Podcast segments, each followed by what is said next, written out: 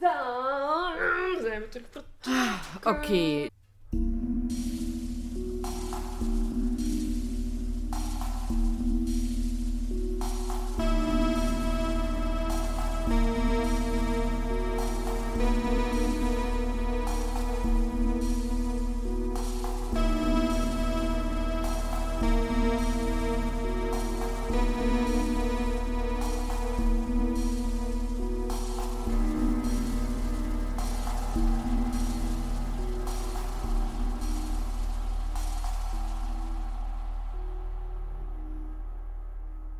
Welkom bij aflevering 33 van de Volksjury, deel C. Ja, deel C, want ehm, de afgelopen twee weken zijn er al ehm, deel 1, allee, deel A en B eh, gepost van onze Dutroux-aflevering. Ja, Het is een, eh, voor ons een marathonsessie. We zijn al eh, sinds deze middag eigenlijk bezig met het op te nemen en het begint nu al stiltjes aan te schemeren. mhm. Dus eh, ik voel de vermoeidheid een beetje toeslaan. Ja, ja, maar we moeten nog een paar belangrijke zaken behandelen. Ja. Eh, we zijn in de vorige aflevering eh, geëindigd met ehm, dat er dus toch de vraag was van is er een groter prostitutienetwerk eh, bezig of gaat het netwerk wou- gaat dat, stopt het bij Dutroux? ja, inderdaad. Ehm, en toen zijn we met een soort van cliffhanger geëindigd met een nieuwe naam, Michel Nihoul. Ja. Michel Nihoul ehm, wordt op 23 april 1941 in Verviers geboren. Eh, en is eigenlijk recent gestorven, hè? 23 oktober ehm, 2019. Eh, hij staat beschreven als een Belgisch zakenman en oplichter. Prachtig.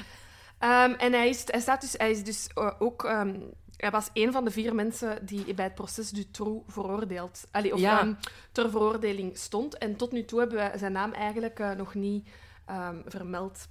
Nee, omdat ik het verhaal van Nihoul Ja, ook een beetje wazig vind Ja. of zo. nu Eh, dat verhaal is, is een beetje opgeslokt in het, ehm, in het geheel. in de Dutroux-affaire. In de Dutroux-affaire. Ehm, en ik denk eigenlijk voornamelijk omdat hij is vrijgesproken voor... ehm, allee, of ja, niet veroordeeld is voor de feiten dat hem ten laste werden gelegd.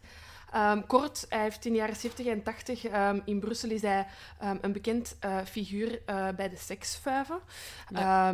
Ja. iedereen kent de term van de roze balletten ondertussen wel al. Ja, dat we denken aan onze allereerste aflevering over Christine van Ja, inderdaad. Dus ja, over die roze balletten ja, is ook geen 100% eh, waarheidsverhaal. Allee, Mhm. of de- kennen we de waarheid niet, maar er wordt gezegd dat er seksvuiven werden georganiseerd met hooggeplaatste mensen.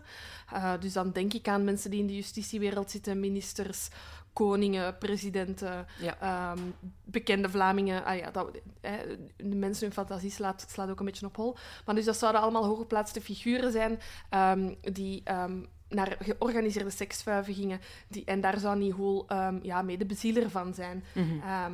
eigenlijk. Ehm, waarom wordt hij aan Dutroux gelinkt? Ja, daar is eigenlijk heel veel onduidelijkheid. Ehm, eerst, eh, toen zijn naam viel, werd hij gezien als bendeleider. ehm, maar dan, naarmate dat het onderzoek vorderde, werd zijn rol altijd geminimaliseerd, eigenlijk. Ja, en dan is er even een opflakkering van Regina Louf, hè, die inderdaad ook terugkomt in onze allereerste aflevering, die verklaringen tegen hem aflegt en die hem ook linkt aan Dutroux. Die Ja. zegt, ik heb Dutroux en Nihoul samen gezien. Ehm, ik kan u huizen eh, aanwijzen van eh, bekende mensen waar ik met beide personen ben geweest, of ik, ik, ik kan die allemaal aan elkaar eh, linken. Ehm, dus bij de start van het proces van Dutroux eh, was eigenlijk de schuldvraag bij hem of hij gewoon een oplichter was. ja. Ehm, of dat hij, ehm, en dus eigenlijk toevallig zaken deed met Dutroux, want de, eh, wat, er kan wel worden aangetoond dat hij eh, drugs verhandelde voor Dut- allee, of, of aan Dutroux drugs bezorgde. Ehm, maar de vraag, zijn schuldvraag was dus, bestaat dat pedofiele netwerk? ja. En is hij die missing link tussen Dutroux en een groter Mhm. netwerk? Maar het was wel dat Langlois niet geloofde dat het over zo'n netwerk ging, wat Ja. jij zegt. Hè? Ja. Voor Langlois ging het eerder over, waar we de vorige aflevering ook mee hebben afgesloten, dat er een soort van prostitutienetwerk zou zijn eh, met, dat hij zou willen opzetten met meisjes uit het Oostblok. En die, die meisjes zouden dan onder meer in Tsjechië en Slowakije geronseld worden en geplaatst worden in Belgische bars. Ja. En ehm, zowel Dutroux als Lelièvre als Nihoul ontkennen dat zo'n project ook gerealiseerd werd. Ja. Ehm, Nu, hoe komt het eigenlijk dat ze aan dat, uh, dat, dat Oostblok uh, denken? Ja. Dat is eigenlijk, en dat is iets dat we tot nu toe nog niet hebben, uh, allee, of niet hebben aangehaald, maar um, na Dutroux zijn verkrachtingen in die vijf verkrachtingen waarbij meisjes zijn achteraf ja, die dat hebben overleefd, um, is Dutroux een aantal keer um, naar Slowakije geweest. Um, Waar dat hij ook van alles heeft uitgestoken. Ja. Hè. Um, daar, was, daar is hij weer een ijspiste gaan opzoeken. um, en heeft hij, zo, ja, hij ging daar heel veel uit en heel veel feesten. En enerzijds was dat, uh, ja, waren dat avontuurtjes met wederzijdse toestemming. Maar anderzijds heeft hij daar ook uh, zeker twee meisjes uh, verkracht. Mm -hmm. minderjarige meisjes verkracht. Um, en dat is eigenlijk wat, dat, wat, wat die link is met dat Oostblok. was Dutroux daar om inderdaad meisjes te ronselen, om, daar, om die mee te pakken naar België of om die van daaruit in een prostitutienetwerk um, ja, te brengen, ah, ja, te, ja, te Ja, ja. begeleiden. Um, en dat is dan waar dat Nihoul dan die dan ook al in die seksvuiven wordt Ja, genoemd, en met de drugs en ja, zo. betrokken is. Ja. Ehm, en nu ja, de reden waarom dat zijn naam eigenlijk pas zo laat valt en waarom dat hij eigenlijk de dag van vandaag ook niet in één adem met Dutroux en Michel Martin wordt genoemd, is, is omdat hij is vrijgesproken van, Ja. die, ehm, van, die, van, die, Feiten, van die feiten ja, ja. eigenlijk. Hij wordt dus niet aan de bende van Dutroux eh, gelinkt. Ehm, en hij is ook, maar dat zullen we straks in het proces ook, eh, allee, tijdens het proces bespreken, hij heeft slechts vijf jaar gevangenisstraf gekregen. Ja. Ehm, en hij is voor al een hele tijd vrij.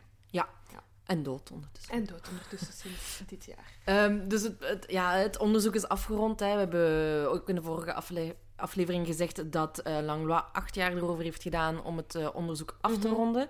Ehm, en dan op 1 maart 2004 gaat het proces eindelijk van start in Aarle. En dat proces werd ook wel het proces van de eeuw genoemd. Ja, Wie wordt er aangeklaagd? Dutroux, Michel Lelièvre, Michel Martin en Michel Nihoul.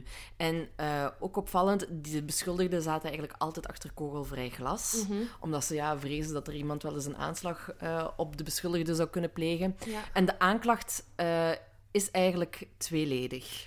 Die ga Ja. ik even voorlezen. Oké. Eh, de eerste tak, onder leiding van Marc Dutroux, hield zich bezig met de ontvoering en opsluiting van zes kinderen.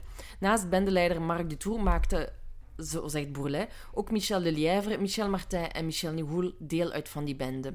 De tweede tak van de bende stond onder leiding van Michel Nihoul en maakte zich schuldig aan drugshandel, autozwendel en mensenhandel. Ja. Onder mensenhandel verstaat eh, Michel Bourlet het plan dat Dutroux en Nihoul samen zouden hebben opgevat om Slovaakse meisjes naar ons land te halen om in de prostitutie te werk te stellen. Ja. Met autozwendel bedoelt hij het feit dat Michel Lelièvre en Michel, Michel Nihoul samen een gestolen Mercedes naar Marokko brachten. Met de drugshandel verwijst Bourlet naar het feit dat Michel Nihoul langs Dutroux en Lelièvre 5000 ecstasypillen heeft proberen te verkopen. Ja. En volgens Bourlet is er wel degelijk een link tussen de verschillende activiteiten van de twee takken van de bende Dutroux. Oké. Dat zijn de aanklachten. Ja, en er zijn, eh, en die gaan we, ga ik, allee, of ik toch niet, maar jij waarschijnlijk ook niet, Ehm, in totaal eh, voor het hele proces, ehm, dat ik het juist zeg, 247 schuldvragen. Ah, ik heb die anders wel op een lijstje. Ja, ik heb ze ook, ik heb ze ook klaarstaan, maar eh, bon, dat lijkt me misschien niet, ehm, Ja, niet de bedoeling om Nee, die allemaal nee, voor te nee. lezen. Maar dus er zijn 247 schuldvragen waar de jury waar de op- jury op eh, antwoord moet eh, geven. Je hebt nog iets interessants over de jury, hè? Ja, ehm, wacht, hè, even scrollen. De, de, de, de jury. Uiteindelijk zijn het zes mannen en zes vrouwen geworden uit de provincie Luxemburg. Ehm, die moesten dus een oordeel over de vier ehm, eh, verdachten ja, leveren. Er zijn ge- gestart, ze zijn gestart met 180 kandidaten hè, die zich hebben moeten melden in de assisezaal in Aarlen. Iedereen kan zich dan nu ook een beetje voor de geest halen dankzij de 12, Ja, hè? De, ja, de het- serie op ja, inderdaad. Ehm, het ook opvallend is dus dat het pro- proces in Aarlen is doorgegaan, omdat de andere assisezaal dus te klein was. Ja, hè. inderdaad. Want ze Eh, verwachten heel veel media en journalisten ook en zo. En, Ja. eh, ja, dus die in Aarle was groot genoeg om iedereen te ontvangen.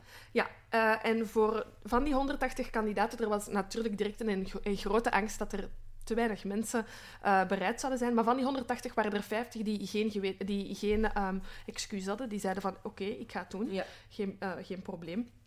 Ehm, maar maar 50 van de 180. Dus dat betekent dat er 130 mensen waren die, er, die een excuus hadden. Die, zie- Mhm. ja, die vonden dat ze niet in staat waren. Ik heb er een paar ehm, opgeschreven omdat ik het wel interessant vond. Heel veel mensen die zeiden, ik kan geen vrij krijgen op mijn werk. Een vrouw die zei van, ik heb een gezin, ik kan, ik kan mij geen Mhm. drie maanden vrijmaken. Dus dat zijn de standaard excuses. Ehm, de rechter heeft dan ook gezegd, voor mij geldt dat ook mevrouw. Ik heb ook geen tijd de komende drie maanden voor mijn gezin. Dat begrijp ik. Eh, dan 15 kandidaten die zeiden, ik heb mijn burgerplicht al vervuld, want ik heb al in een assisezaak gezeten. Daar heeft de jury ook eh, geen begrip eh, voor opgeleverd. die zeiden van, ja, dat is geen excuus. Er was wel begrip voor een vrouw die een restaurant had in Aarle en die zei, hier is het proces van de eeuw in Aarle. Mijn restaurant gaat eten moeten maken voor al die mensen. Ja. En zij zei, de, want dat is waar mevrouw, jij gaat uw handen vol hebben. en dan een, ehm, mensen met morele bezwaren. Een vrouw die zei, mijn dochter heet Julie, hoe kan ik onbevooroordeeld zijn? En daarop Mhm. ehm, had de, eh, eh, de voorzitter het antwoord van... ehm, ik denk dat hij in heel de wereld op dit moment niemand vindt die onbevooroordeeld naar deze zaak Ja. gaat kijken. En dat begrijp ik natuurlijk wel. En dan iemand die ook een heel mooi excuus had en die zei eerlijk tegen de voorzitter... Meneer de voorzitter, ik ga niet kunnen zwijgen en zeker geen drie maanden.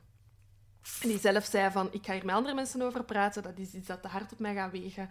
Ja. Ehm, en dat is het belangrijkste, ja, de belangrijkste taak als jury, hè, is dat je je ja, onpartijdig en afzijdig houdt. Ehm, en dan zijn er dus mensen gelood en dan heeft de jury, en dan mocht de verdediging, eh, mocht je kandidaten wraken. Ehm, en dan heeft eh, de verdediging ervoor gekozen dat er wel een evenwicht was tussen zes mannen en zes vrouwen. Ja. In 2004 was dat blijkbaar toch al een ding. Ehm, en dus dan had, heeft de advocaat van Marc Dutroux op voorhand nog eens gezegd waarom zouden we nog extra mensen wraken? Er is niemand te vinden die geen oordeel geveld heeft alvorens het Ja. proces start. Heeft hij wel een punt. Maar ja, bon, wat voor feiten zijn er ook gepleegd? Hè? Eh, Het is dat, ik denk in deze... Allee, ik denk dat die verdediging, verdediging ook zoiets heeft van, ja, tuurlijk hebben die mensen een mening daarover. Dat is al zo breed. Het onderzoek heeft acht jaar geduurd, dus er Ja. zitten acht jaar tussen die eerste berichten eh, en, en, en wat, dat er, allee, wat dat het Ja. proces dan is. Dus ja, uiteraard gaan die twaalf juryleden... Allee, ik denk niet dat de verdediging met zeer...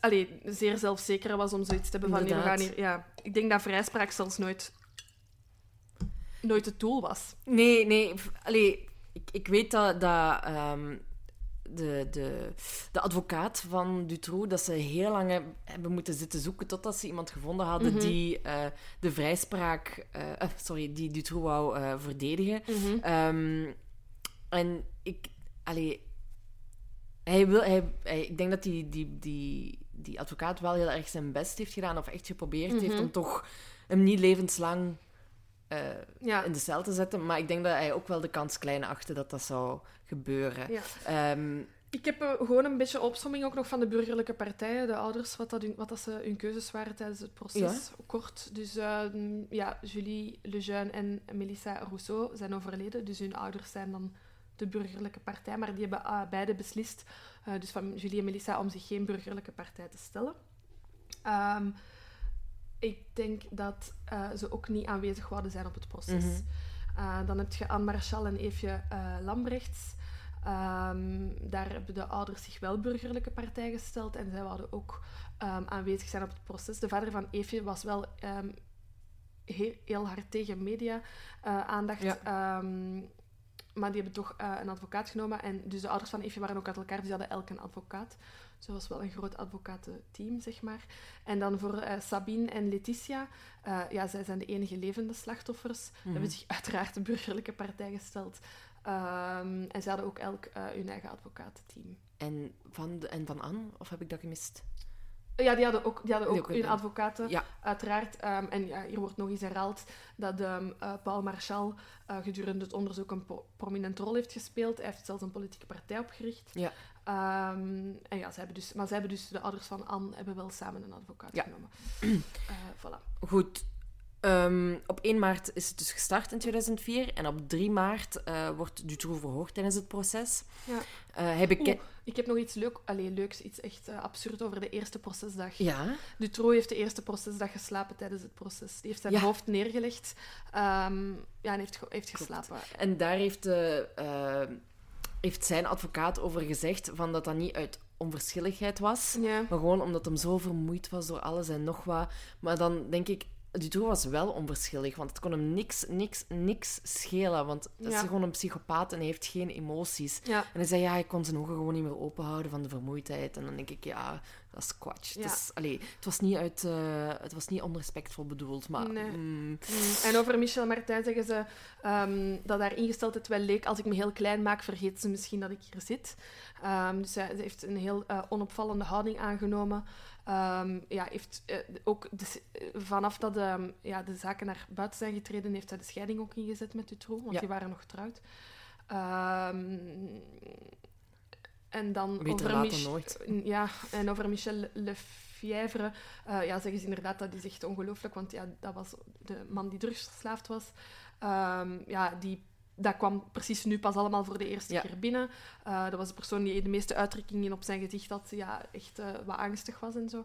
En dan over Michel Nihoul ehm, hebben ze niet echt superveel. Ik denk dat die mens ook zo wat is opgegaan in dat proces. Ja. Inderdaad, ook omdat hij niet echt bij die drie zwaarste Ja. van de dingen zat. Ehm, die leek zich zeer, zeer zelfbewust van de feiten. ehm, maar ja, die heeft zich wel rustig gehouden. Dan 3 maart. Ja. Hè, dan ehm, wordt Dutroux dus verhoord. En hij bekent dat, eh, de, dat hij eh, Anne, Eefje, Sabine en Letitia ontvoerd en verkracht heeft. Maar zegt dat de ontvoering van Julie en Melissa het werk van Nihoul was. Hè, Ja. in dat prostitutienetwerk. Ja. Ehm, en hij beweerde slechts een klein radertje te zijn in een groter netwerk en dat hij een opdracht handelde. Want volgens hem zouden agenten meegeholpen hebben bij de ontvoering van Anne en Eefje. Dus dat is zijn betoog.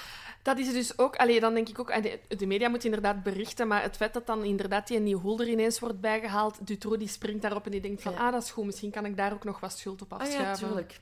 Ja, en, en dan eh, behoorlijk straf. Eh, op 4 maart worden zowel Sabine als Letitia gehoord. Ja. En eh, zij verklaren allebei door Dutroux te zijn ontvoerd en langdurig te zijn vastgehouden en misbruikt.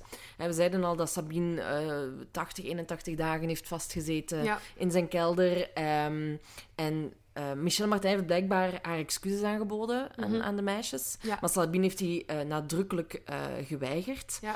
En Le- Letitia verklaarde hoe zij als 14-jarige op straat door Dutroux in een busje werd ontvoerd en naar zijn huis werd gebracht. En dat ze door hem gedrogeerd en misbruikt werd. En dat ze samen met Sabine opgesloten zat in de kelderruimte. Maar, in tegenstelling tot Sabine, eh, gelooft Letitia en ook Paul Marchal dat Dutroux onderdeel uitmaakt van een groter pedofilie-netwerk. Dat is wel opmerkelijk. Ja. Ehm, dus het, ja, de bestaan van dat, wat we al gezegd hebben, eh, van dat netwerk werd niet onderzocht in het proces. Nee. Ehm, en eh, tussen 8 maart, dus gedurende heel het proces, eh, tussen 8 maart en 19 mei 2004 werden meer dan 560 getuigen gehoord. Ja. En dan op een gegeven moment ehm, wordt er een brief van Letitia Voorgelezen. voorgelezen. Eh, als een soort van eh, testament. Sorry, ik denk dat het van Sabine is. Wacht hoor. Ja, Sabine, sorry, niet van Letitia. Het is een brief van Sabine. Ehm, en die wordt voorgelezen door eh, een rijkswachter, geloof ik. Ook heel heftig trouwens. Ja, Ehm, ik, ben, ik weet niet of ik er klaar voor ben. Oké. Lieve mama, papa, bon maman, Nanny, Sophie, Sébastien, Sam, Tiffy en de rest van de familie. Ik heb aan de meneer die op me past gevraagd of ik jullie mocht schrijven. Want jouw verjaardag, mama, en die van jou ook, Sophie, en die van jou ook, Sam, komt snel dichterbij. Bij jullie te kunnen zijn is mijn grootste wens. Maar dat gaat jammer genoeg niet. Als ik naar huis kom, weet ik zeker dat we allemaal worden vermoord. En dat wil ik niet. Ik ben dol op jullie en ik denk heel vaak aan jullie. En vaak huil ik om jullie. Maar helaas geloof ik dat jullie me nooit meer terugzien. Zetten jullie het zwembad op als het mooi weer is? Ik zou er zo graag in willen zitten met jullie en al mijn vriendinnetjes. Omdat ik natuurlijk nooit zal terugkomen of er moet een wonder gebeuren, mag papa mijn wekkerradio hebben en jullie mogen ook dingen hebben. Ook al kom ik nooit terug, gooi AUB geen spullen van me weg. Bewaar ze AUB. Denk aan mij als jullie snoep eten. Ja, dat is... eh, ja. Zou zij op dat moment hebben gedacht dat ze, dat ze ging sterven? Ja, dat is een testament. Ja. Ze, weet, ze, ze schrijft dat ze denkt dat ze nooit gaat terugkomen. Ja. Hè? Het En is ongelooflijk dat iemand van zo'n jonge leeftijd 12, hè? ja. over zo'n dingen moet nadenken. En ook zo haar, haar bezittingen. Ja. Wat had zij? Een wekkerradio. Allee, en dat ze daar toch over nadenkt Mhm. van... Ik wil dat mijn papa die heeft. Ja. Ja, en, en dat, dat, dat schuldgevoel, hè, dat druipt ervan af. Ik vind dat verschrikkelijk. Die voelt zich Ja. schuldig, hè? Ja, inderdaad. En, zo, en, dat, en, dat ze, en dat ze hoopt ja, dat ze toch nog eens aan haar denken. Ondanks het feit wat zij gedaan heeft, tussen aanhalingstekens, dat ze haar toch niet zouden vergeten. Ergens denk ik, oh, het is, het is eh, ongelooflijk dat dat acht jaar geduurd heeft, dat onderzoek. Maar op zich denk ik dat dat voor die meisjes wel goed is dat, die, eh, dat daar zoveel tijd heeft tussen gezeten. En ja, dat ze zij ook zijn al- ondertussen twintig. hè. Ja, dat zij ook een volwassen leeftijd hebben bereikt. Ik, allee, ik zeg niet dat dat makkelijker wordt, maar dat is... Ja. Je kunt het misschien mm, makkelijker een plaats geven of je bent je meer bewust Ja. van wat er gaande is. En ik denk dat dat heel belangrijk is voor het verwerkingsproces van Sabine Ja. en Letitia.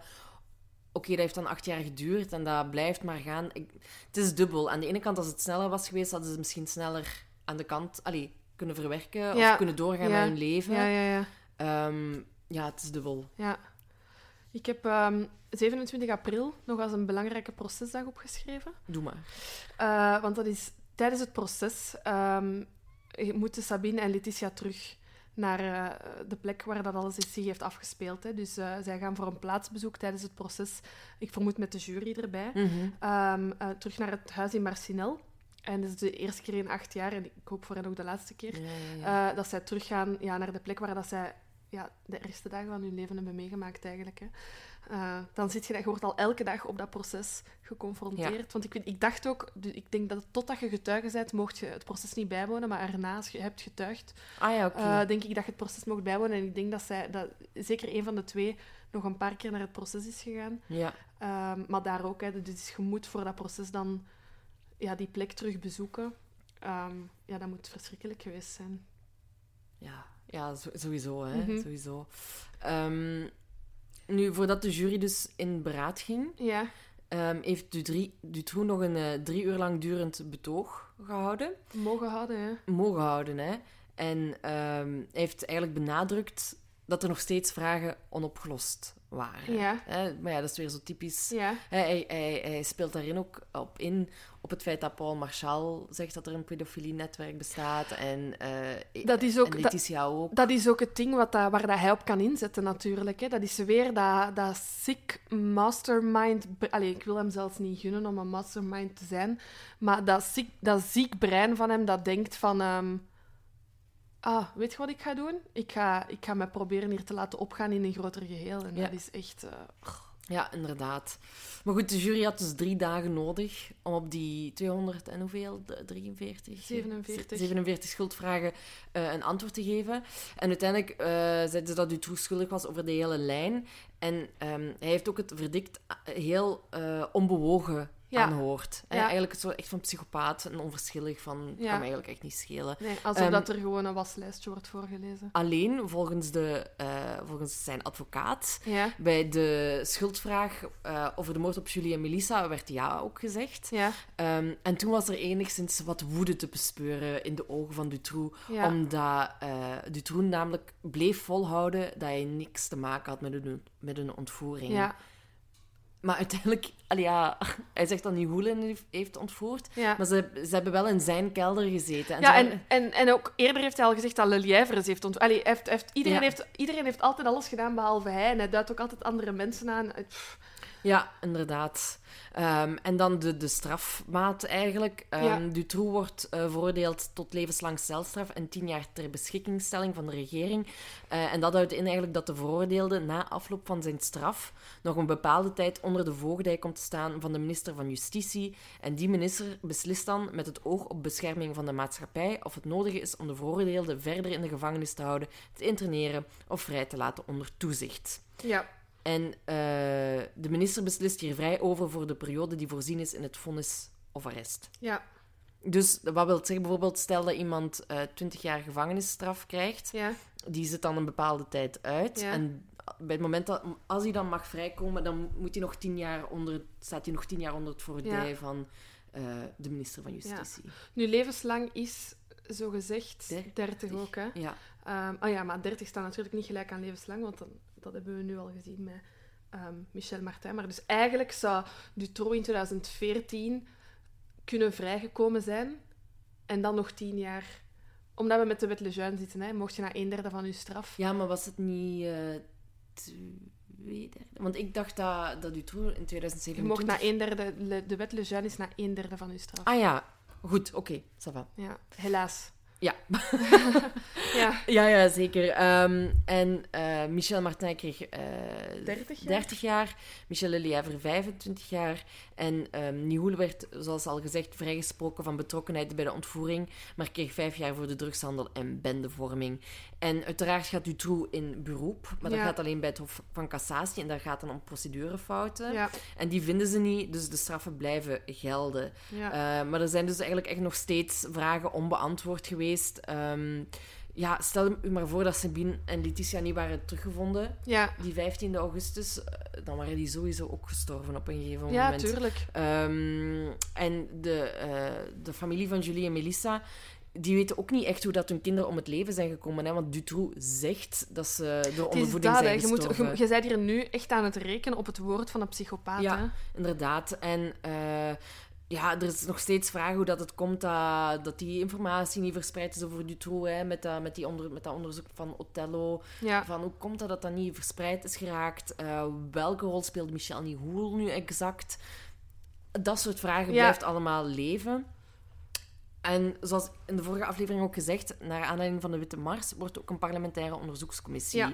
uh, opgericht. Wat, een, een parlementaire onderzoekscommissie ehm, wordt eigenlijk in leven geroepen als, er, allee, als, als het ehm, een onderzoek, een gerechtelijk onderzoek, in vraag moet worden gesteld. Hè? Ja, inderdaad.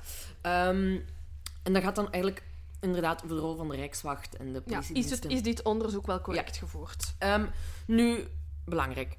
Want er is, over die parlementaire onderzoekscommissie bestaan ook allerlei theorieën en wat nog allemaal. Ja, dus nog voor de commissie wordt opgericht, beschikt de toenmalig minister van Justitie Stefan de Klerk al over rapporten van topmagistraten waaruit bleek dat de Rijkswacht zwaar in de fout was gegaan. Mhm.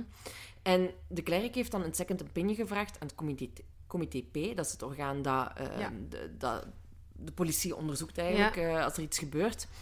Ehm, maar dat orgaan stond onder zware politieke druk van de toenmalige regeringspartijen, de CVP en de SP, waardoor het comité P eigenlijk een rapport afleverde waarin de Rijkswacht, Rijkswacht werd witgewassen van alle zonden.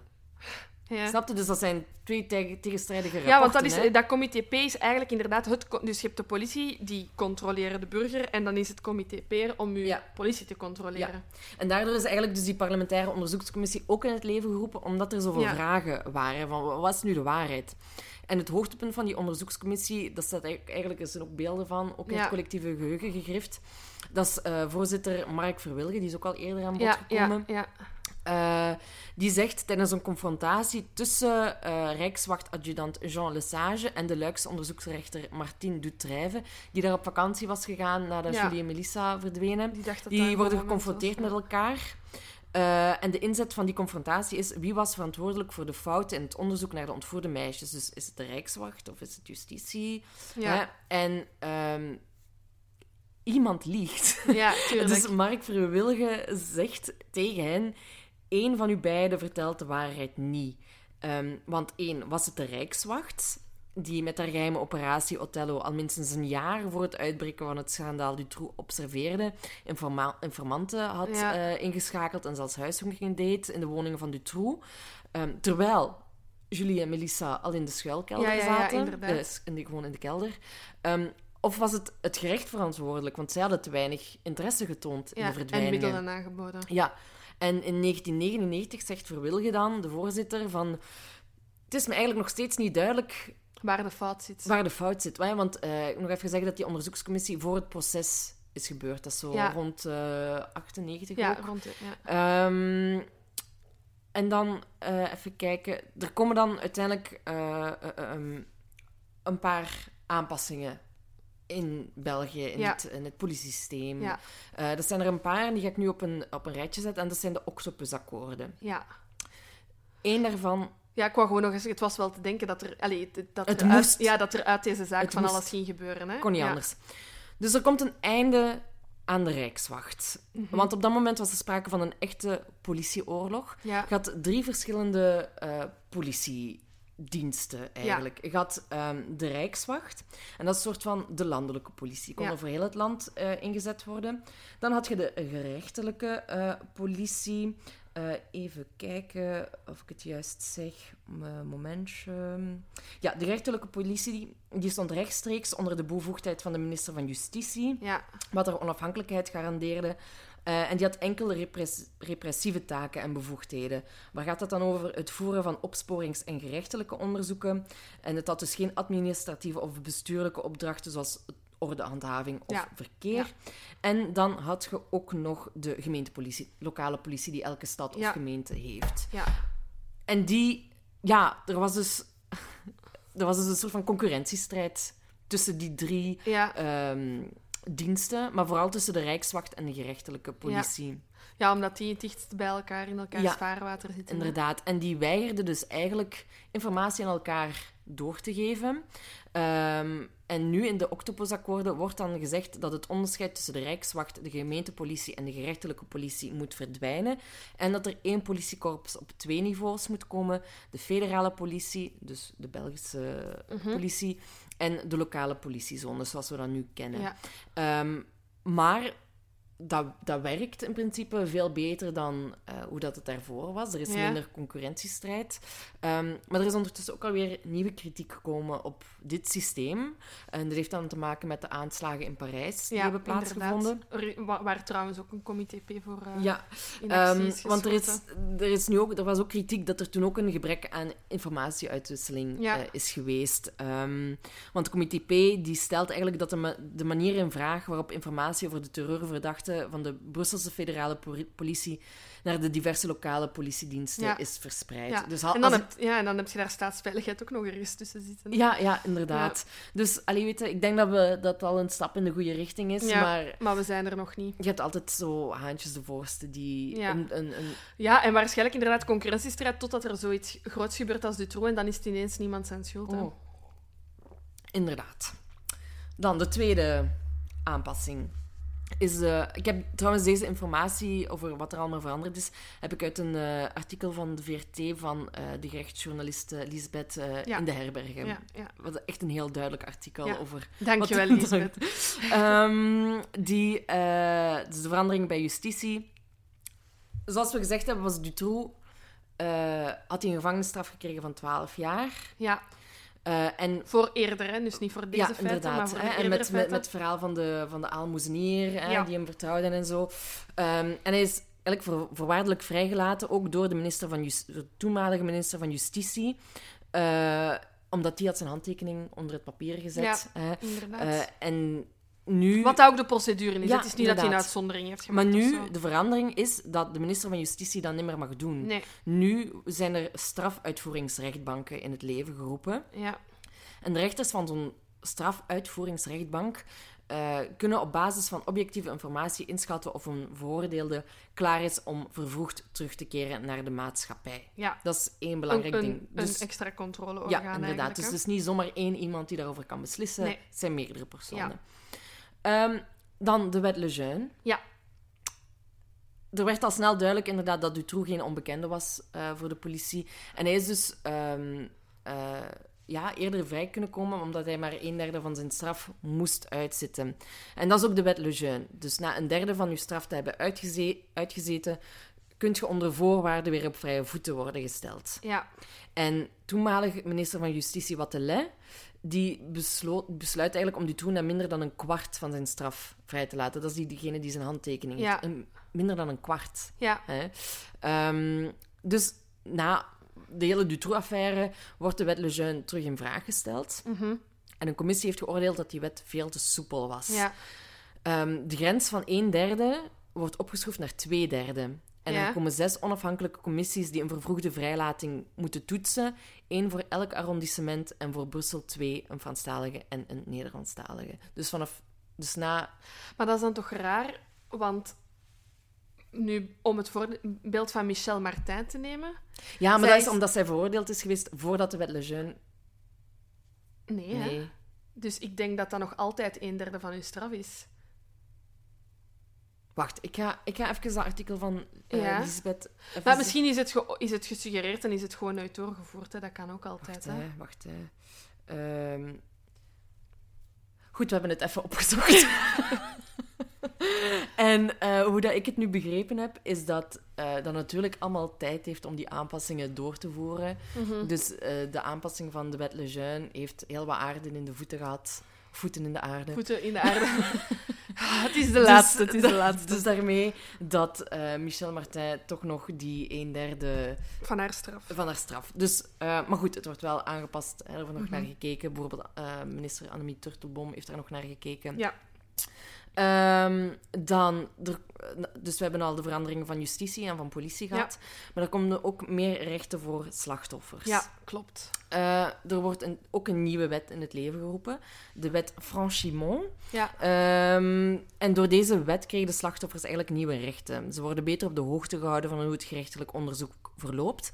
Eh, burgerlijke partijen kunnen het strafdossier inkijken en ze kunnen zelfs vragen dat er bijkomend onderzoek wordt verricht. Mhm. Ehm, en er worden zelfs bij de lokale politie en bij het parket diensten voor slachtofferhulp ingevoerd. Want Ja. dat bestond allemaal nog Nee. niet tot dan toe. Ja. Ik wist dat niet. We hebben het, allee, ik denk, eh, los van onze opnames daar straks ook ehm, gezegd, en dat is misschien uw volgende punt, maar de oprichting van Child Focus. Ja, Ehm, ja, ik heb dat altijd geweten. dat dat bestond, dat, dat bestond. Die hebben eh, heel herkenbare affiches Ja. ehm, die dat je overal ziet. Ehm, maar dat is naar aanleiding van dit proces eh, in het leven geroepen. En het is ook opgericht... Allee, het idee kwam van de vader van Julie, hè? Ja, die is op eh, bezoek geweest in Amerika. Is die, eh, Het naar- National Center for Missing and Exploited Children. Ja, en die is daar, die is daar op visite geweest. ehm, en heeft eigenlijk daar direct gezegd van... ehm, maar dit, dit is iets dat wij missen en dat wij nodig hebben. En hij heeft eigenlijk met de hulp van de... Nu ben ik de naam van de organisatie kwijt, dat de Spaghetti... ehm, Eh, Mark en Ecorine of ja, zoiets? zij hebben dus geholpen om die Child Focus eigenlijk Ja. ehm, op te richten. En de eerste keer... Wacht, ik ga er even... Child Focus... Dat had een, veel, een heel andere naam in de eerste... ja, dat was de, het, het Europees Centrum voor, voor, vermiste en seksueel uitgebutte kinderen. Yes, Ja. inderdaad. En dat is dan later um, Child Focus geworden. En ehm, helaas zijn wij daar ook voortrekkers voor in Europa. Dat bestond zelfs in veel Europese landen gewoon echt nog niet. Had wel, ja, in Amerika dus blijkbaar wel, daar had ook al het Amber Alert. Ja. De naam komt ook trouwens van een kindje dat is verdwenen en dus het moet altijd eerst iets gebeuren Ja. voordat zoiets... eh, Inderdaad. Ja. Ehm, en dan nog een eh, verandering, nog, nog, twee, nog twee eh, veranderingen. Dat er ook geen politieke benoemingen meer waren. Er kwam een, ook weer een nieuw orgaan, Mhm. de Hoge Raad voor de Justitie. En dat betekende dat rechters op een professionele en apolitieke manier geselecteerd moesten worden. Ja. Dus rechters werden tot dan toe benoemd afhankelijk van hun politieke voorkeur. Ja, of, eh, ja, of dat ze vriendjespolitiek Ja. hè. Eh, dus vandaag kan ook nog niemand, kan niemand nog magistraat worden zonder te slagen voor de examens van de Hoge Raad. En de Hoge Raad is dus in feite een onafhankelijk orgaan, eh, onafhankelijk van de uitvoerende en de rechterlijke macht, en voert dus een extreme controle uit op de rechtbanken en magistraten. Het is ongelooflijk, hè? Scheiding der machten, dat wordt zo hoog in het vaandel gedragen. Ja. En dan zie je dat amper inderdaad. 20, 30 jaar geleden Ja. dat gewoon niet, niet van toepassing is. Nee, want ze zeggen wel, hè, de band met de politiek is dus officieel doorgeknipt. Ehm, maar in de praktijk merkt, allee, wordt blijkbaar wel nog gezegd dat die politieke kleur wel nog steeds aanwezig Tuurlijk, is. ik dacht Dus- dat, dat ik zou ja. er ook echt van versteld staan als dat Ja. het geval zou zijn. En dan nog iets wat ik heel opmerkelijk vond, want ik dacht dat dat altijd al bestond, maar eh, het federaal parket. Ja, Ik, eh, ik wist dan niet dat dat ook, Nee, ik naar- ook niet. naar- door die onderzoekscommissie is, is opgericht. ja. Ehm, en ja, door de oprichting van het federale parket, die kan complexere en grensoverschrijdende dossiers eh, van zware criminaliteit naar zich toe trekken. Ja, we hebben het gewoon... Allee, in deze zaak komt het echt extreem ook naar boven, maar al zo vaak gezien inderdaad dat van zodra dat er een, ehm, een gemeentegrens of een gewestgrens is in, ehm, in, in crimineel onderzoek, Mhm. stopt het Ja. of zo. Ehm, dus inderdaad, die samenwerking op landelijk niveau, op Europees niveau zelfs, dat zou eigenlijk vanzelfsprekend moeten zijn. Maar dat is dus niet zo vanzelfsprekend. Ja, inderdaad. Ehm, dus eh, ja, spijtig dat er zo'n zaak moet zijn voordat zoiets gebeurt, maar fantastisch dat, we, dat het dan nu Ja, wel ja, het ja. geval is. Hè? Nu, er waren nog een paar dingen die ze wilden invoeren. Maar dat is... Ik kan er ook verder niet op ingaan, want dat is ook nooit Nooit ingevoerd. Nee, dus, nee. eh, maar goed, er zijn toch wel al een paar punten die behoorlijk qua voor verandering hebben gezorgd. Ehm, maar dan, ehm, een paar jaar later, staat het land weer op zijn kop. Want eh, Michel Martin, die wil ja, vrijgelaten Ja. worden. Hè? Dat is in 2012. Ja, dat, ik herinner het mij nog levendig. Maar ze vraagt ook al in 2006 Ja, voor de eerste keer Ja, ja. ehm, om, om vrijgelaten te worden. eh, om die voorwaardelijke invrijheidstelling, zoals voorzien in de wet. Lejeune. Ehm, en hier komt inderdaad... eh, eh, wacht, hè. Eh, eh, eh. Ja, ik wil zeggen dat van Annemie Turtelboom, maar dat is dan pas voor 2012. Dan Ja. gaat zij aanpassen dat niemand nog na een derde van zijn Straf. straf kan vrijkomen, maar dat je de helft van je straf moet, allee, moet doen Ja. als iemand tot 30 jaar of levenslang is veroordeeld. Ehm, Nu, even, omdat we, we zijn daar nu niet op ingegaan, maar ik vind dat echt ehm, opvallend dat enkel Dutroux levenslang heeft gekregen van de jury. Allee, of van de rechter. Ja, maar ik denk omdat hij echt wel het- als, als Dat ze een soort van, wordt onders, beschouwd. ja, dat ze een soort van onderscheid willen maken. En Want, is, heeft- want ja, het is een, ik, denk, ik vraag me af, als zij levenslang had gekregen, of dat zij dan voorwaardelijk vrij was gekomen. Ja. ja, ik denk dat zij zich sch- schuilhoudt achter het feit dat ze bang was en dat ze... Ja, maar dat is, dat is moeilijk te bewijzen. Ja, hè. ja. Maar, maar ik, en voor alles kan ik daarin komen, maar ik zeg het, ik blijf het, in, allee, ik blijf het moeilijk hebben met Ja. wat dat ze met de meisjes allee, Ja, niet tuurlijk. heeft gedaan. Geen eten heeft gegeven. Ehm, maar de eerste aanvragen voor haar voorwaardelijke vrijlating die worden eigenlijk door de strafuitvoeringsrechtbank eh, verworpen. ja. Die nu in... Dus het is niet meer een minister die erover beslist, maar Gelukkig, ja. inderdaad die strafuitvoeringsrechtbank met drie rechters. Mhm. Ehm, en dus in eh, april 2007 diende Michel Martin een eerste aanvraag in. En die werd eigenlijk verworpen. Ehm, in 2000, oktober 2008 een tweede aanvraag verworpen. En in 2009 eh, werd de derde aanvraag verworpen. Mhm. Maar dan, op 8 mei 2011, ehm, heeft ze inmiddels zelf van haar straf uitgezeten. En verkreeg ze voor de eerste keer voorwaardelijke invrijheidstelling. Ja. Ehm, maar in juni 2011 komen ze er eigenlijk achter dat de opgelegde voorwaarden niet vervuld zijn Ja. geraakt. Ehm, het, want er was een, een, een Frans klooster dat Ja. haar wel wilde opvangen. Hè. Eh, maar die trekken zich terug. ja, na de mediastorm. Ja, eh, want de minister van Justitie, de Franse minister van Justitie, Michel Mercier, had vooraf laten weten dat hij niet de intentie had Martin op Frans grondgebied Binnen toe te te laten. laten, Ja. Ehm, maar dan op 31 juli 2012 krijgt ze toch de voorwaardelijke eh, vrijlating toe. En dat zijn een, hangen een paar voorwaarden aan vast. Hè. Een paar, ik ga er een paar noemen. Eh, ze mag geen inbreuk plegen. plegen. Ze, mag niet op, allee, ze mag de slachtoffers niet opzoeken. Ze moet een vaste woonplaats hebben. Ze mag in bepaalde gebieden niet komen. Nee, ze mag niet komen in de gebieden waar de feiten zich hebben En plaatsgevonden. waar Of de slachtoffers ja. Ja. Inderdaad, eh, ze moet psychologisch opgevolgd worden. Eh, ze moet schadevergoeding betalen aan de Mhm. slachtoffers. Eh, ze mag ook zonder toestemming niet zomaar naar het buitenland. Allee, hè. En ze mag ook niet contact hebben met de media. ja, inderdaad. Ehm, en dan is er het klooster van de Armen, Klare in Malon. Dat is Ja. een deelgemeente van Namen. waar de elf Clarissen zeggen... Het is oké. Het is oké, kom maar. En ze hebben ook een, effectief een persbericht verspreid, eh, waarin dat ze hun beslissing eigenlijk toelichten. Ja. Ehm, ze, ze- ze zeiden wel, ja, het is wel echt een uitdaging voor ons, omdat we natuurlijk ook geschokt zijn door het vreselijke lijden van de slachtoffers en, en hun families die een hel hebben doorstaan. Maar ehm, God geeft iedereen een tweede kans. ja, zo, en eh, ze, ze- ze vinden het belangrijk dat ze... Want dat, dat is hun doel, zeg Mhm. maar, in, als, als, als nonnen, als zusters, dat ze iedereen een tweede kans moeten kunnen geven. Ja, Ehm, en ze hebben dan eh, ja, een toestemming gegeven op twee voorwaarden. Dat de rechtsgang ten volle gerespecteerd moest worden. En eh, dat het onderzoek in de gevangenis moest aantonen dat Martijn geëvolueerd was en zonder te recidiveren kon terugkeren naar de maatschappij. Maar dat is ook een belangrijk feit. Hè. Ze moeten ervan overtuigd zijn dat, er, dat ze niet iets opnieuw zou gaat plegen. ja. Ja. Inderdaad. Ehm, ja, want ze zeggen ook, het zou, ze zijn, de zusters zijn ervan overtuigd dat het een, voor onze samenleving een stap achteruit zou zijn eh, door een overtreder voor goed op te sluiten eh, en in zijn verleden en tot hopeloosheid te dwingen. Dus inderdaad, dat is dat verhaal Ja. van die tweede kans. Hè. Ja. Ehm, wat ik daar ook nog uh, uit heb, is dat Martijn niet zou deelnemen aan het kloosterleven. Hè? Mhm. Maar dat ze enkele kamers zou krijgen in het klooster en dat ze daar dan zou mogen leven.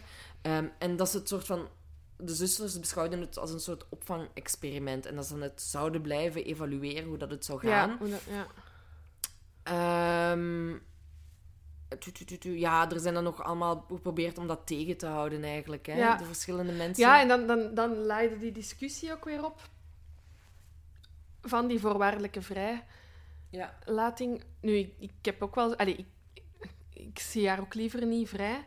Maar anderzijds is het gewoon inderdaad... Er is een verschil tussen wat je denkt en wat de wet is. En volgens de wet mag zij ja, de gevangenis verlaten. Hè? absoluut. Dat is heel spijtig dat zij, dat zij maar, der, allee, maar 30 jaar veroordeeld is. Want dan weet je dat ze Ooit vrijkomt. ooit hè. vrijkomt. Ja, ja, ja. Maar de reacties dus waren echt eh, Ja, dat was verschrikkelijk. Hè? extreem. Er zijn Ja. echt eh, verschillende manifestaties geweest aan het klooster.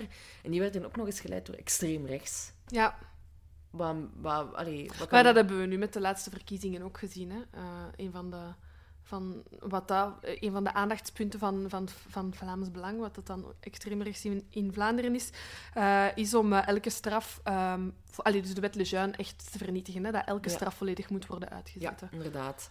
Ehm, en dan is er ook nog... ja, er zijn heel veel van die, van die rechtse manifestaties. Hè? En, daar worden, eh, en daar worden dan slogans eh, geroepen als geen 15, geen 30, ze moet hangen. Zo van Ja. dat allemaal. Er wordt zelfs ook op een gegeven moment traangas gebru- gebruikt en zo. Ehm, en dan de papa van Eefje, die, is, die wou ook gaan protesteren eigenlijk, omdat, eh, zegt hij, omdat er geen juridische weg bestaat om Martijn weg te houden uit Malon. Dus hij wil toch nog Ja, alsnog gaan proberen. Ehm, en hij heeft ook een brief geschreven, eh allee, of een brief ontvangen van de, van de zusters.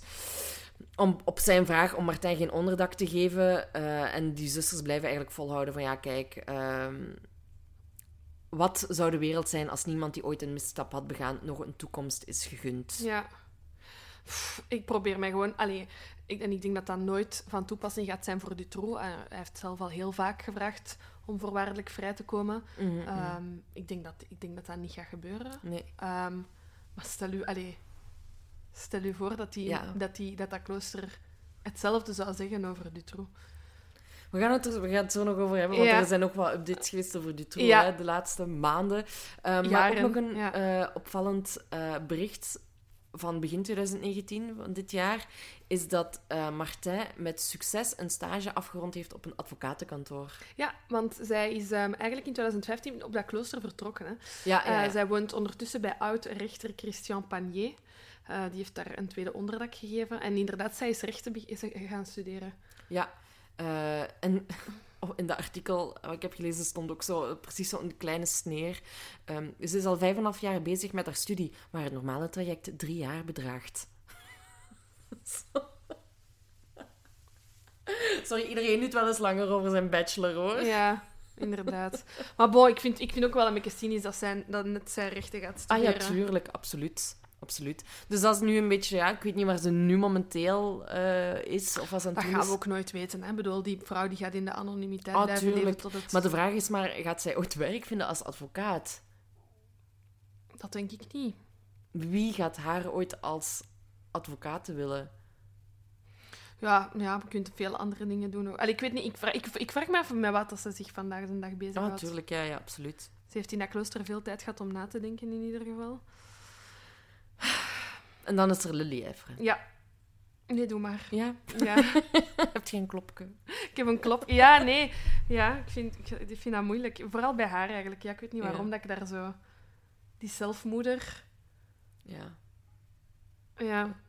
Ja, dat is, ja, het is dubbel, hè. Ja. Aan de ene kant wil ik dat wel geloven, dat ze zich ervan heeft willen afzonderen, Ja. dat ze het wil, wou verdringen. Maar als, ja, alsnog gaat dan hulp halen, of, Ja, voilà. wat, of, Ja. of wie weet was ze wel, net zo'n psycho grote psychopaat als eh, Dutroux. Hè. ja, dat weet je dus niet, hè.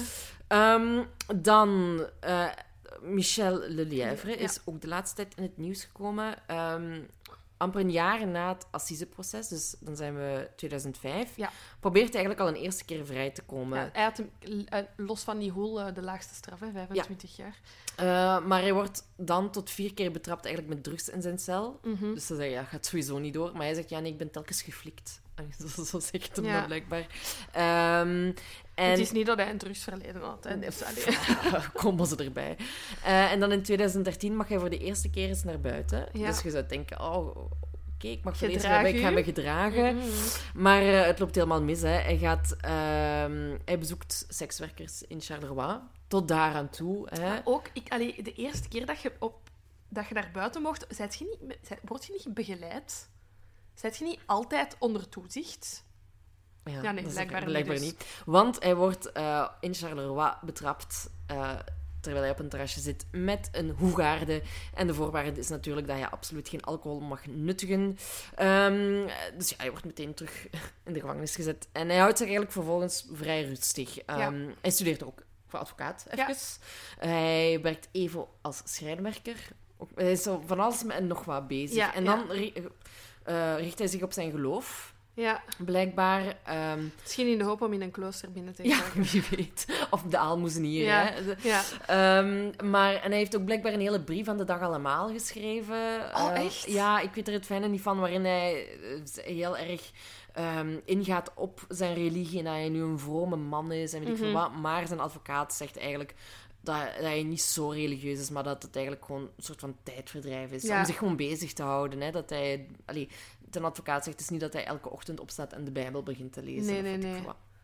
Ehm, nu, dit jaar, Ja. september, ehm, beslist de strafuitvoeringsrechtbank in Brussel dat Le Lièvre vervroegd vrij mag eh, worden gelaten onder voorwaarden. Mhm. Ehm, dat zijn ongeveer dezelfde als die van Michel Martin, die we daarnet hebben opgenoemd. Maar hij moet ook binnen de zes maanden een woning vinden. Dus in september is dat gebeurd. September, oktober, november, december, januari. Dus als hij in februari een woning heeft, Ja. ja. of geen woning heeft, dan komt hij niet vrij. Ja. Is dat wel zo, Dan komt dan hij vrij. komt hij vrij.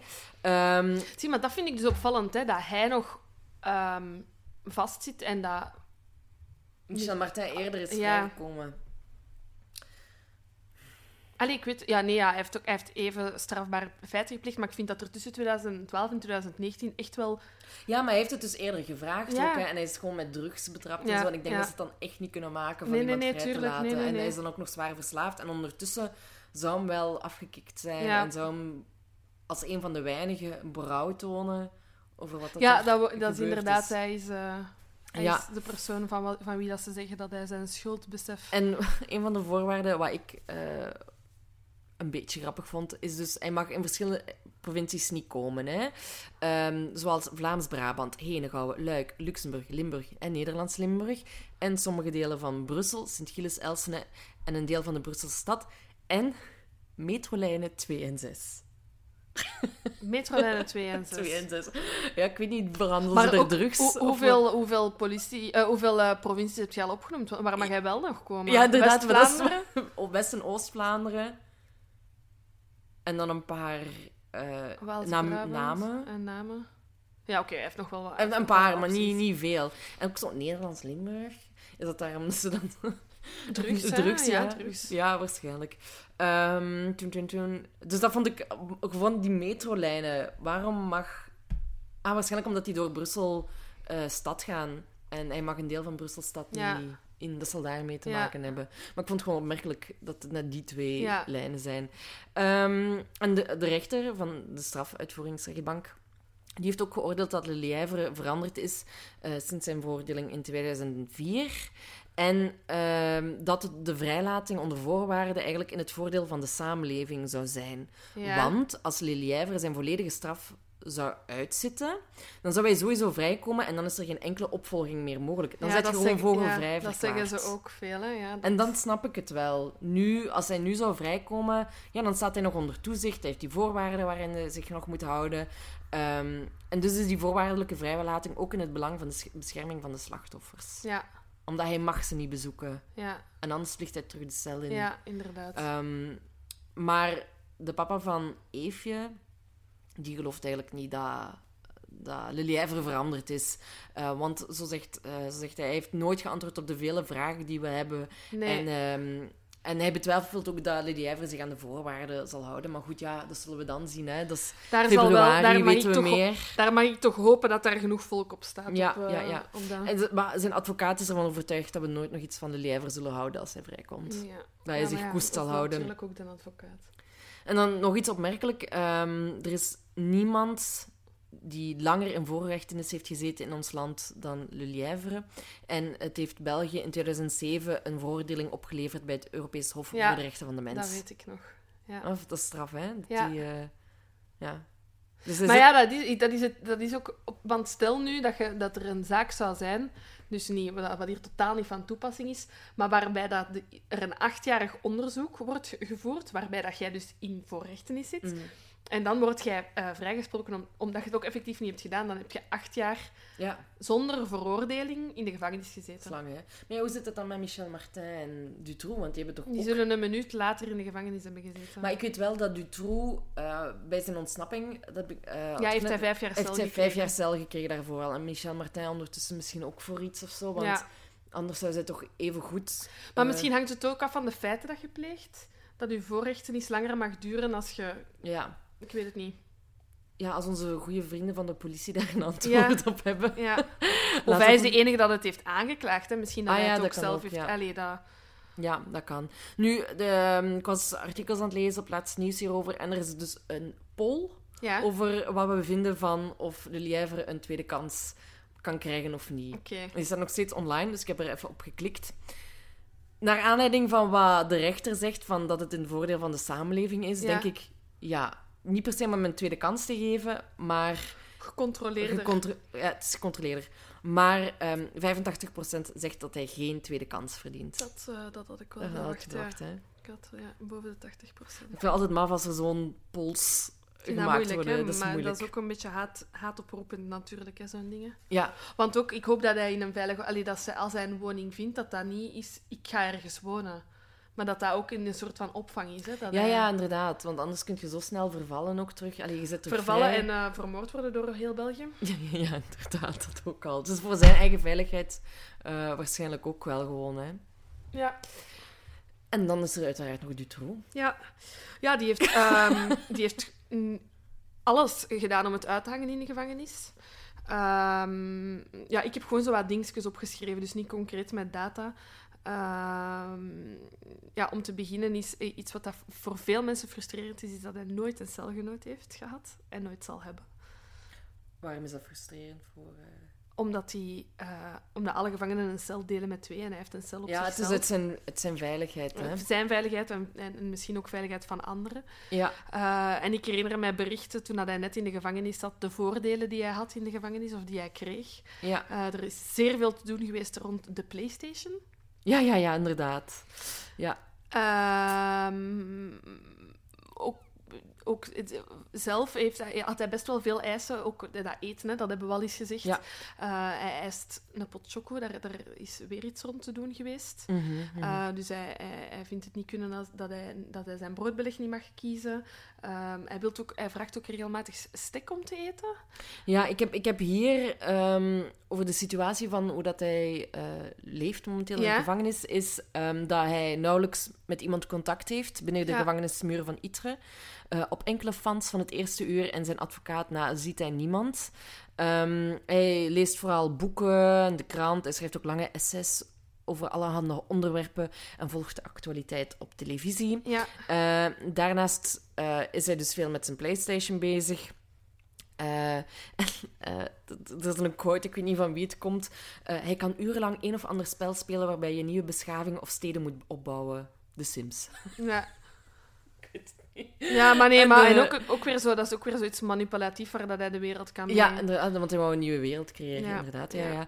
En eh, hij bestelt regelmatig yoghurt, chocolade en gedroogde rozijnen. En dan smiddags mag hij een uurtje zijn cel verlaten Ja. eh, om in het gezelschap van een ci- cipier te ontspannen Ja. op de koer. Ja, Terwijl de andere lunchen. hè. Ja, dus hij heeft altijd alleen een wandeling. Ja, Hij heeft nog nooit andere gedetineerden ontmoet. Want eh, in het begin hebben medegevangenen wel al eens zijn arm gebroken om wraak te nemen.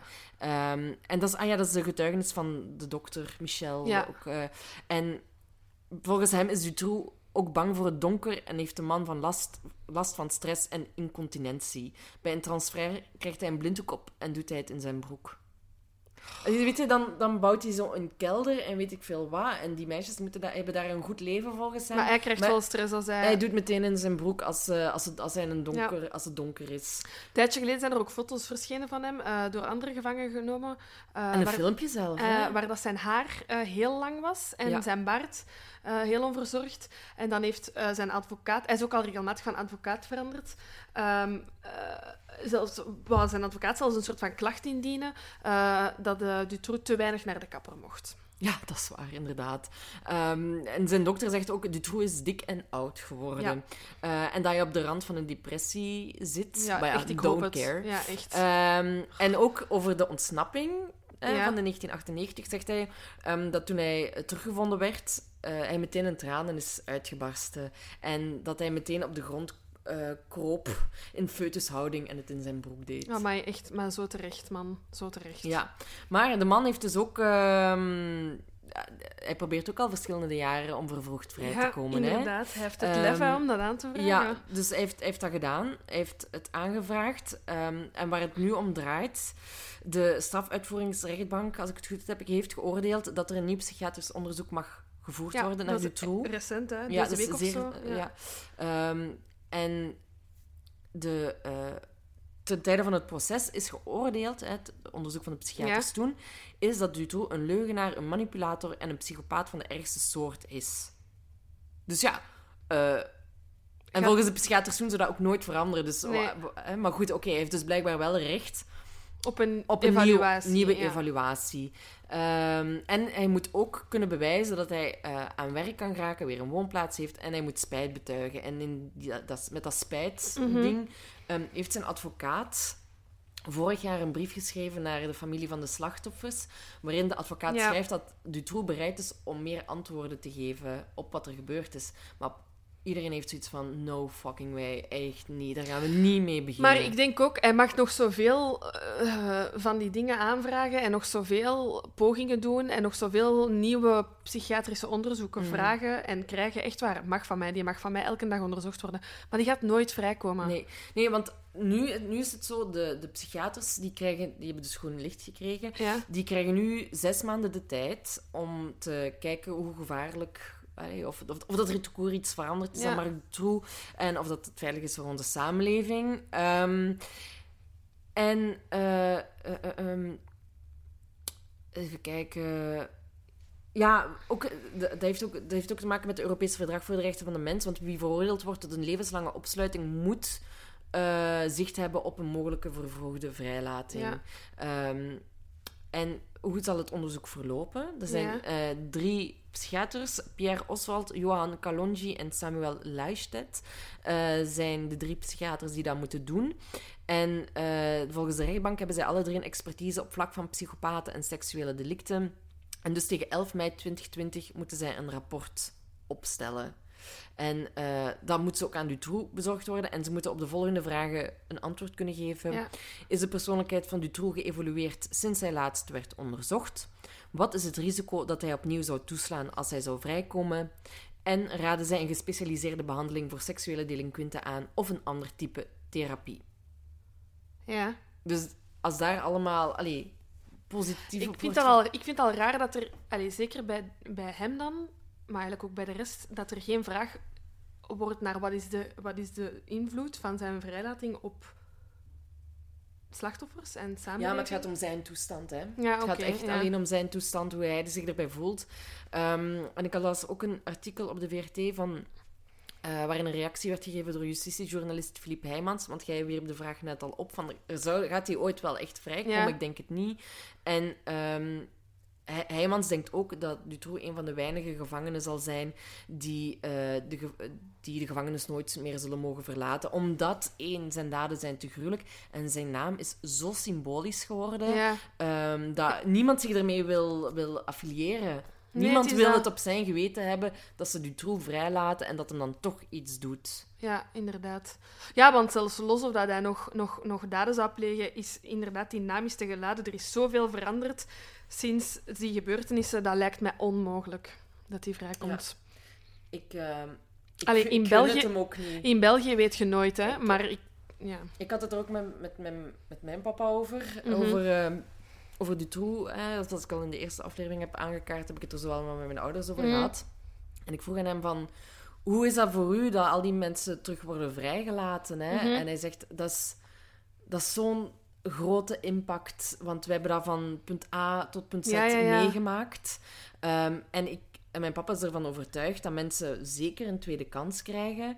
Uh, maar ik weet niet of ik dat hier al, al heb gezegd of niet, maar um, dat hij, hij, zegt van kijk, um, mensen kunnen een enorme fout begaan. Iemand pleegt een moord, maar dat kan mhm. zijn omdat hij tot het uiterste gedreven werd en dan in mhm. een in een flits een, een verkeerde beslissing maakt. Maar die mensen zijn daarom niet per definitie slecht van inborst. Nee, nee, nee. En die mensen moeten echt geholpen worden en begeleid worden om eventueel terug in de samenleving terecht te kunnen komen.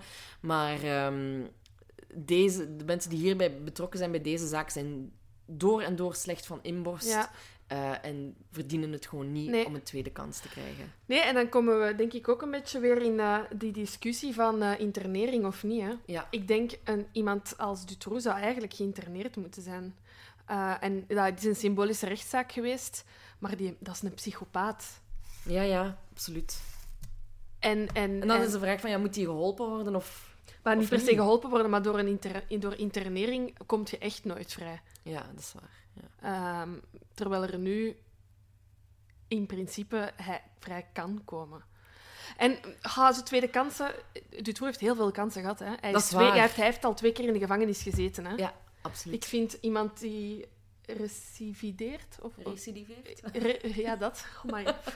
uh, daar moet sowieso op een andere manier naar worden gekeken. Van mij, ik kan zeker een punt. Vanaf dat er... Dat, dat, allee, en sowieso bij een eerste veroordeling moet je al Allee, moet er al een soort van schuldbesef zijn en, en is het echt de bedoeling dat je nooit meer terug doet wat je hebt gedaan. Maar bij zo'n tweede veroordeling heb ik echt, dat is echt no mercy voor mij. Nee. nee, inderdaad. Ik ben ook van mening dat, dat Dutroux nooit meer mag vrijkomen. Um, want het heeft niet alleen voor de slachtoffers... Het heeft op een heel onze samenleving gewoon zo'n enorme mhm. impact gehad. Want uh, er zijn mensen echt na, door de Dutroux-affaire wat ik ook in de eerste aflevering zei, mens, mannen durfden niet met hun dochters of zonen op straat rond te lopen, want je kon zomaar beschuldigd worden. Ze zijn echt...